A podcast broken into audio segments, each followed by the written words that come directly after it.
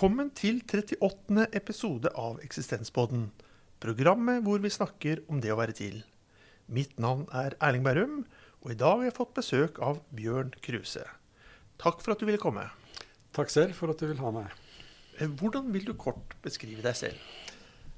Kort så vil jeg beskrive meg som en, eh, en som har hatt en ganske broket tilværelse. Eh, jeg ble født i et sånn hasidisk-jødisk miljø i London av engelsk mor.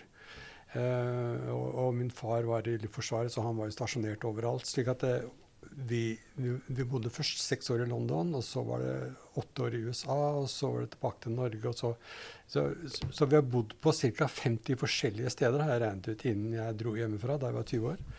Så det er liksom bakgrunnen som jeg har. Veldig eh, amerikansk-britisk, kan du si. Um, men også eh, med det resultatet at, at, jeg, at jeg har hatt veldig liten anledning til å fokusere på noe karrieretenkning eller noe sånt noe i den grad. Uh, nå var Både min bror og jeg var ganske musikalske, så vi, vi, vi, vi, flyktet til musikken, for å si det sånn. Og, hadde et sted der hvor vi, hvor som vi dyrket sammen. Og uh, etter hvert som årene gikk, så var jeg fire år i USA igjen som, som profesjonell musiker skulle studere musikk der. Kom tilbake, begynte på Musikkhøgskolen. Begynte å studere klarnett, av alle ting. Og så gikk jeg over på komposisjon. Så tok jeg eksamen, eller diplomeksamen i komposisjon i 1977. Og da, innen da hadde jeg også begynt å undervise på Musikkhøgskolen fordi eh, jeg, hadde en hovedoppgave som handlet om, om bruksmusikkarrangering. Og dermed så måtte jeg også ha praksis. Så da fikk jeg lov å opprette et kurs i bruksmusikkarrangering, og det, det, var jo rimeligvis ganske populært. For det var ikke så mange som hadde det på den tiden. Så, og det bare utvidet seg. Jeg fikk flere kurs, uh, jazz og pophistorie og sånt. Og jazzensemblet hadde jeg. Og uh, i 1981, da komposisjonslinjen ble etablert, så flyttet jeg over dit. Og jeg nevner dette her fordi at Musikkhøgskolen har jo vært et hjem for meg i ja, over 40 år. ikke sant? Så det, det, er, det, har vært en veldig viktig del av, av mitt liv. Jeg jobbet også som musiker, da, og som arrangør og produsent og, og alt sånt og, i studioer. Og uh, holdt på med det i 10-15 år, inntil jeg la ned hornet. Uh, sånn på begynnelsen av 90-tallet. Og konsentrerte meg om komponering. Og um, det har vært en, en Kall det en slags reise, da. Sånn rent pedagogisk, eller rent didaktisk, kan du si hvor eh, jeg følte at etter hvert som jeg underviste i akkurat de samme tingene hvert eneste år, eh, samme type satslære, altså sånn, så veldig pirkete detaljarbeid når det gjelder musikk, så merket jeg at jeg begynte å bevege meg lenger og lenger vekk fra selve detaljarbeidet, og begynte å snakke mer om, om overordnede ting på et sånt, sånt metaplan. Og, og etablerte også kurs i, i, workshop sammen med en kollega som het Olav Anton Thommessen. Og vi hadde dette et slags metaperspektiv på det å komponere, slik at istedenfor å komponere i en stil, så ble det komposisjon som fenomen, kan du si.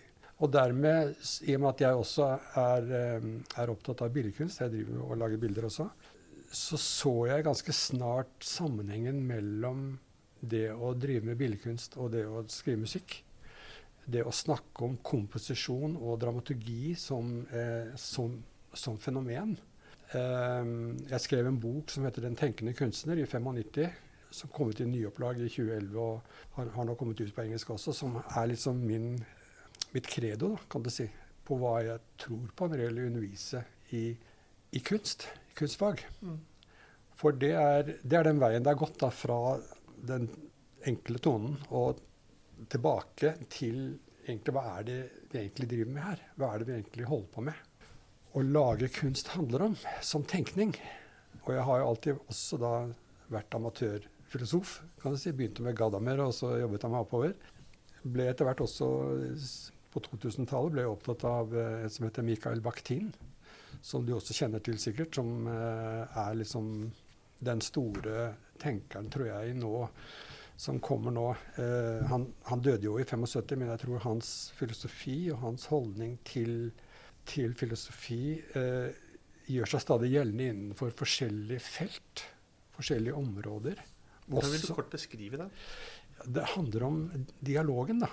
Og, og, og jeg har jo hele tiden vært en dialektiker på min hals. Jeg har trodd på, på det spenningsforholdet som eksisterer mellom to partnere, kan du si, eller mellom noe og noe annet. Så er det det tredje, det mellomliggende, det, det, det interesseværende. Interesse ligger jo i Eller det, det betyr jo mellomværen. Eh, og, og eh, hele det spenningsforholdet som den hellige treenighet også på en måte representerer ikke sant? Mellom, mellom, eh, mellom tre parter. Da. Hvor, hvor, du har de to ytterpunktene, og så har du den mellomværen som er en, en slags dialogisk eh, rom, rett og slett. Som eh, jeg har studert ganske nøye og funnet flere metaforer på, flere eh, bilder på, som stemmer overens med det jeg føler.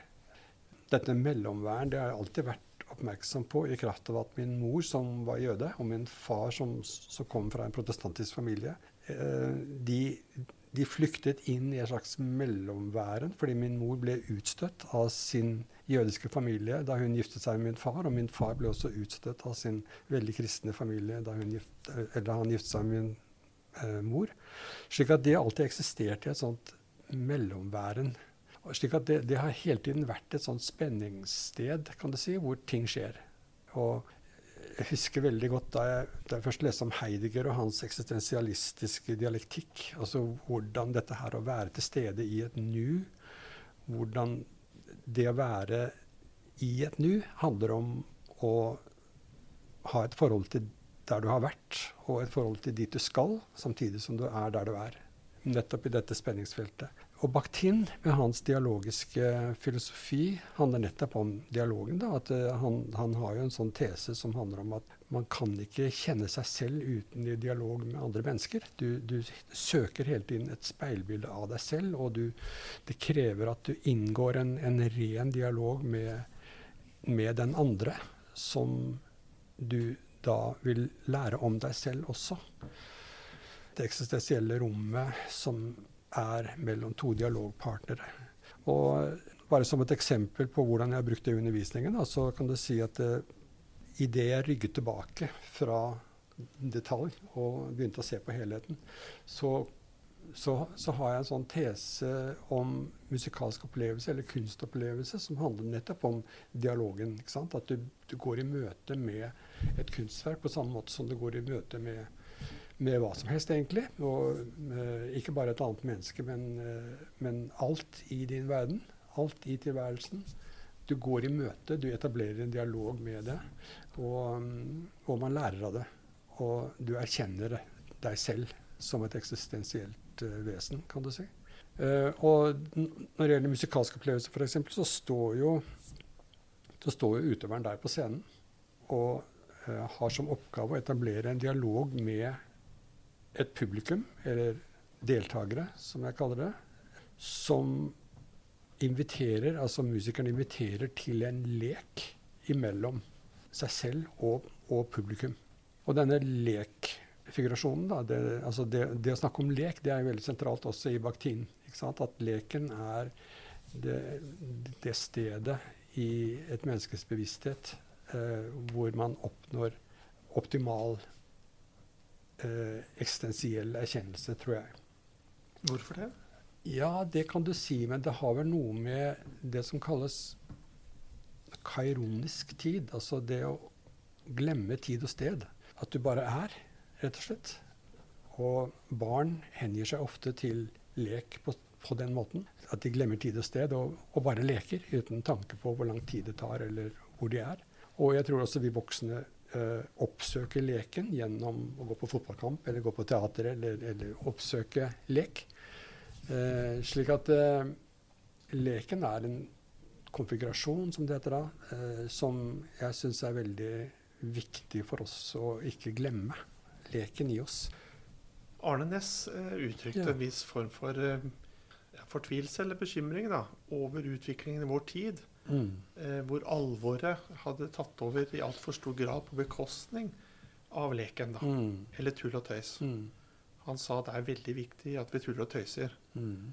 Eh, som det var det vi skulle gjøre mye av. Og noen ganger så må vi være alvorlige.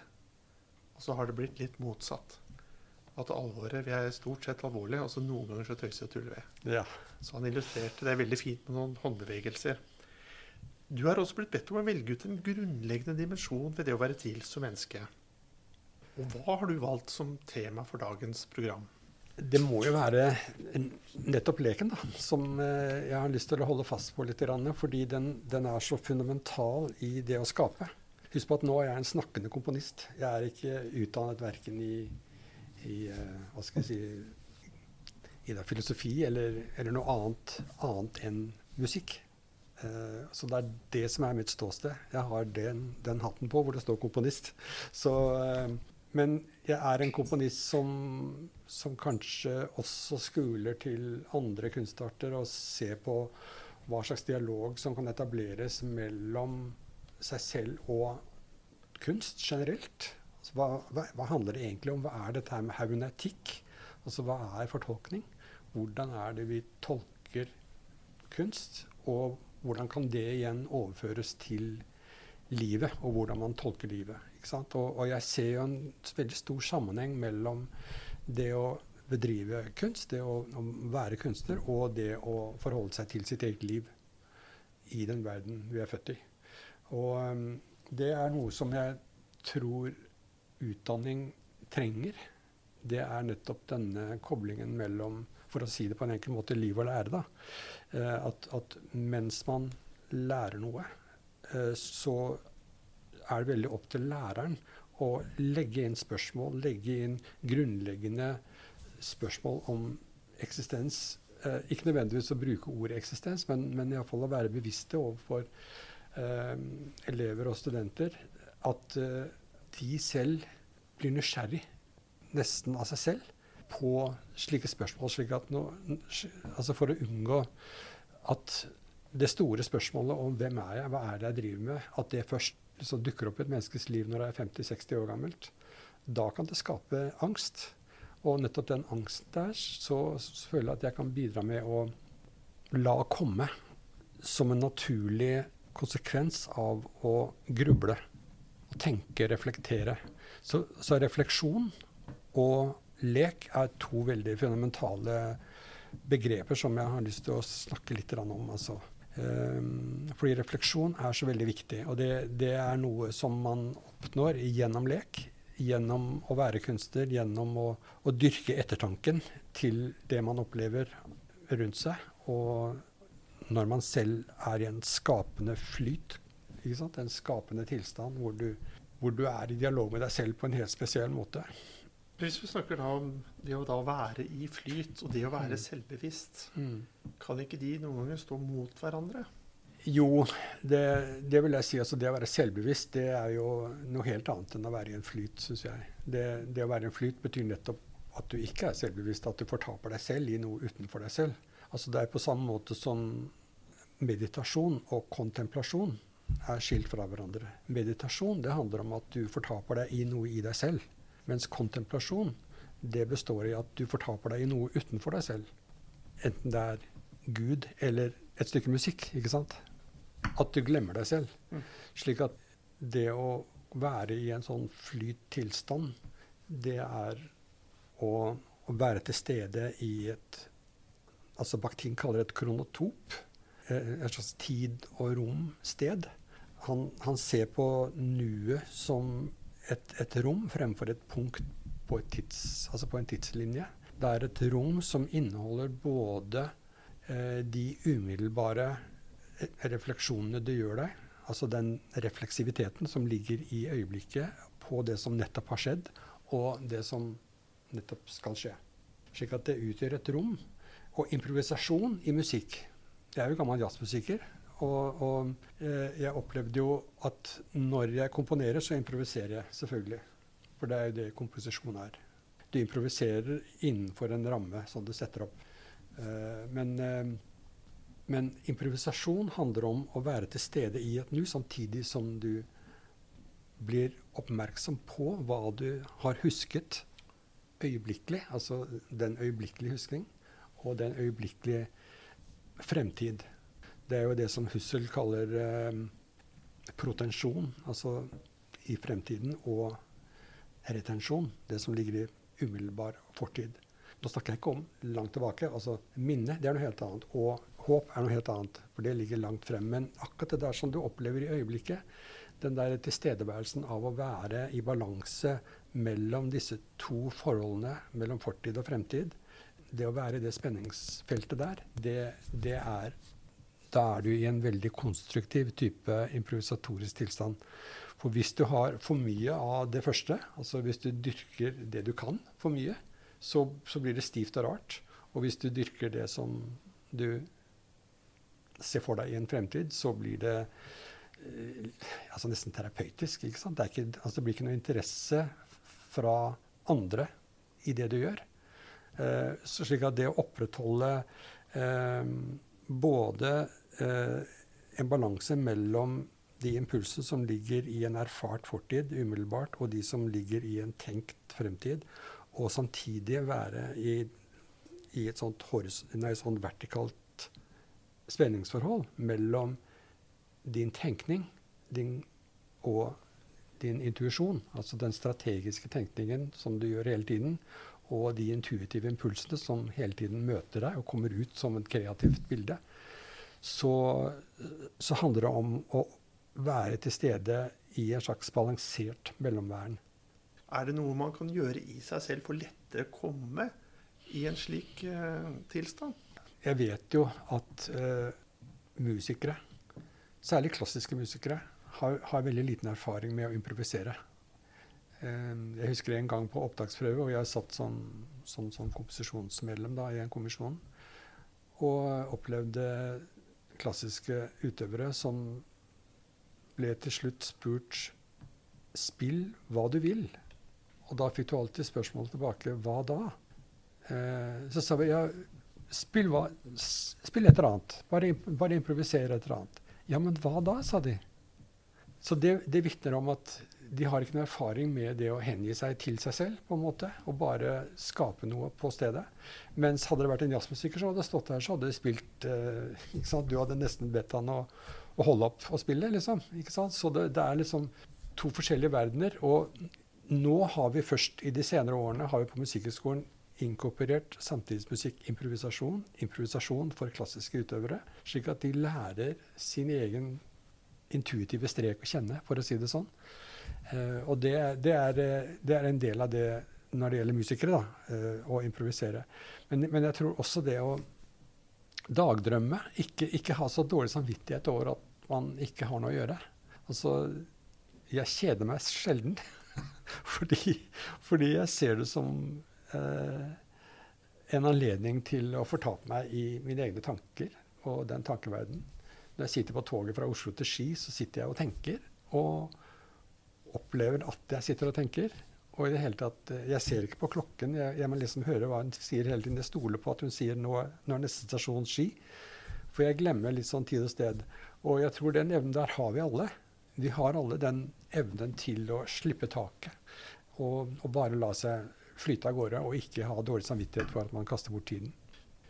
Friedrich Schiller hadde jo en sånn modell på altså I sine estetiske utlendinger da, så hadde han en modell på på leken som en tilstand hvor man eh, oppnådde en slags livserkjennelse. Og det er nettopp den man er ute etter. Altså. Den, den, den, må du kjenne på. Og du må bli fortrolig med den i forhold til deg selv. Og du må kunne gå i møte med deg selv med, med hevet hode og ikke, ikke angstfylt. Og gjerne med et smil. Du sa tidligere også i stad dette med å ha denne litt åpne, tolkende eh, tilnærmingen til eh, tilværelsen rundt deg. da. Ja. Både mennesker og kunst og det som måtte være. Mm. Men så har vi også i oss en evne der til å hvor vi dømmer lett, eller også lar fordommer ligge til grunn. Mm. Hvordan tenker du liksom dette forholdet mellom å ivareta denne åpne, tolkende tilnærmingen kontra det å fatte noen dommer da, og lett ta raske konklusjoner om omgivelsene og tilværelsen, slik at du ikke får opplevd den leken og det spillet mellom kunst og deg selv. Gadamer hadde jo et, et, begrep som han kalte legitim fordom. Altså Han mente at det var nødvendig å ha en fordom, men at du måtte istedenfor å snu ryggen til noe som du i utgangspunktet mente at du ikke skulle kunne like, så skulle du gå det i møte. Og det er ikke noe for eksempel, som en komponiststudent lærer mer av enn å gå på konserter med musikk som de i utgangspunktet kanskje ikke liker. Og at de kanskje ikke liker musikken mens den framføres for den saks skyld. ikke sant? Slik at de må sitte der og la seg hva skal jeg si, irritere. da. At det også er en opplevelse som er veldig lærerik. ikke sant? Slik at uh, den, den evnen til å oppleve ting og hele tiden Enten det er en positiv eller en negativ opplevelse, så er det en opplevelse. Og Det er også en måte å lære deg selv å kjenne på. fordi at uh, man har en tendens etter hvert som man lever, at man foretrekker og skaper en slags foretrukken gang gjennom livet.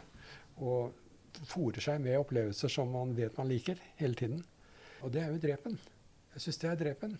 Istedenfor å oppsøke nye ting og la seg selv provosere. Mm som er en veldig fruktbar tilstand, mener jeg. Hvordan vil du definere lek? Altså, Leken er eh, det, Jeg vil definere den på to måter. Det ene er den, den, indre leken. Den som du har med deg selv. Den som du inngår med når du er i dialog med det som er utenfor deg selv.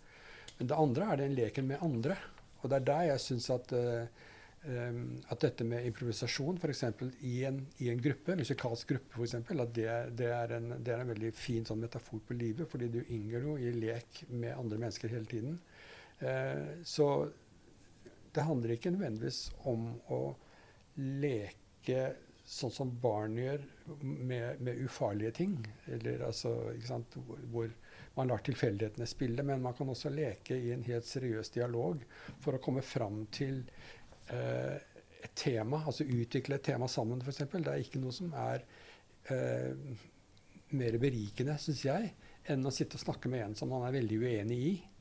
Og, men og, hvor man hele tiden Eller altså hvor, hvor, begge parter er villige til å inngå i en dialog på det. Og man har ikke noen regler for hva man kaster inn av momenter. De kan godt komme inn fra sidelinja eller bakenfra eller hvorfra. Det er noe, det er ikke noe oppskrift på hvordan man skal snakke om ting. Og det, det har vært eh, det, Da kommer dette med leken inn, at du ikke er redd for tilfeldigheter, f.eks. At, at du tåler at, at, noen plutselig Ja, men hva hvis du snur, snur den der på hodet, da? Og da, da skal du sitte Ja, men den er ikke på hodet. Nei, men hva hvis du snur den på hodet? Hva skjer da? Og det å være villig til å inngå den type argumentasjon, inngå i den type argumentasjon, det er, det er dialogens vesen, mener jeg at man tåler at man er uenig. Man, man, tar på alvor den andres argumentasjon. Og den andre også tar på alvor din argumentasjon. Det er da leken oppstår mellom de to partene. Er det noen andre viktige forutsetninger som må være til stede for at du skal kunne ha en slik lek mellom hverandre? eller da? Jeg tror at sånn som eh, altså Michael Bakhtin mente at uh, man skal hele tiden oppsøke den ideelle eller den optimale dialog og, og, den eksisterer ikke, den er utopisk. Men hvor man glemmer For det første så glemmer man det, man, det han kaller altså heteroglossia. Det er det han kaller ikke sant? Alle de andre stemmene som snakker til deg hele tiden når du snakker med en annen. Eh, de må man renske bort. Og så må man renske bort alt, alle de forutsetningene og alle de fordommene som man har. La oss si at du er en politimann og jeg er en sivil. At jeg kan snakke til deg som en sivil. Og politimannen snakket til, til, meg som en sivil. Slik at man, man, rensker bort alle sånne forutinntatte statuser. Og at en konge kan snakke med en, med en bonde, sånn som innenfor Bakhtins karneval. Så, så, kunne jo nettopp kongen ha, ha, en, ha, en, maske av en klovn, og en klovn kunne ha en maske av en konge, og de kunne snakke sammen. Eh, så det, det, er, det, er, noe der som jeg syns er ganske vakkert å forestille seg dette at det er en slags ekvivalens, en slags uh, equality av, av um, posisjonering. At, at, at, det er en helt horisontal samtale. Det er ikke ovenfra og ned verken den ene eller den andre veien. Det er en ren horisontal samtale. En likeverdig samtale hvor man betrakter seg som likeverdige i dialogen. Jeg tenker Samfunnsfilosof eh, Habermas, når han snakker om herredømmefri diskurs, da, så snakket han jo også om uh, viktigheten av å lytte etter vekten i det bedre argumentet. Ja.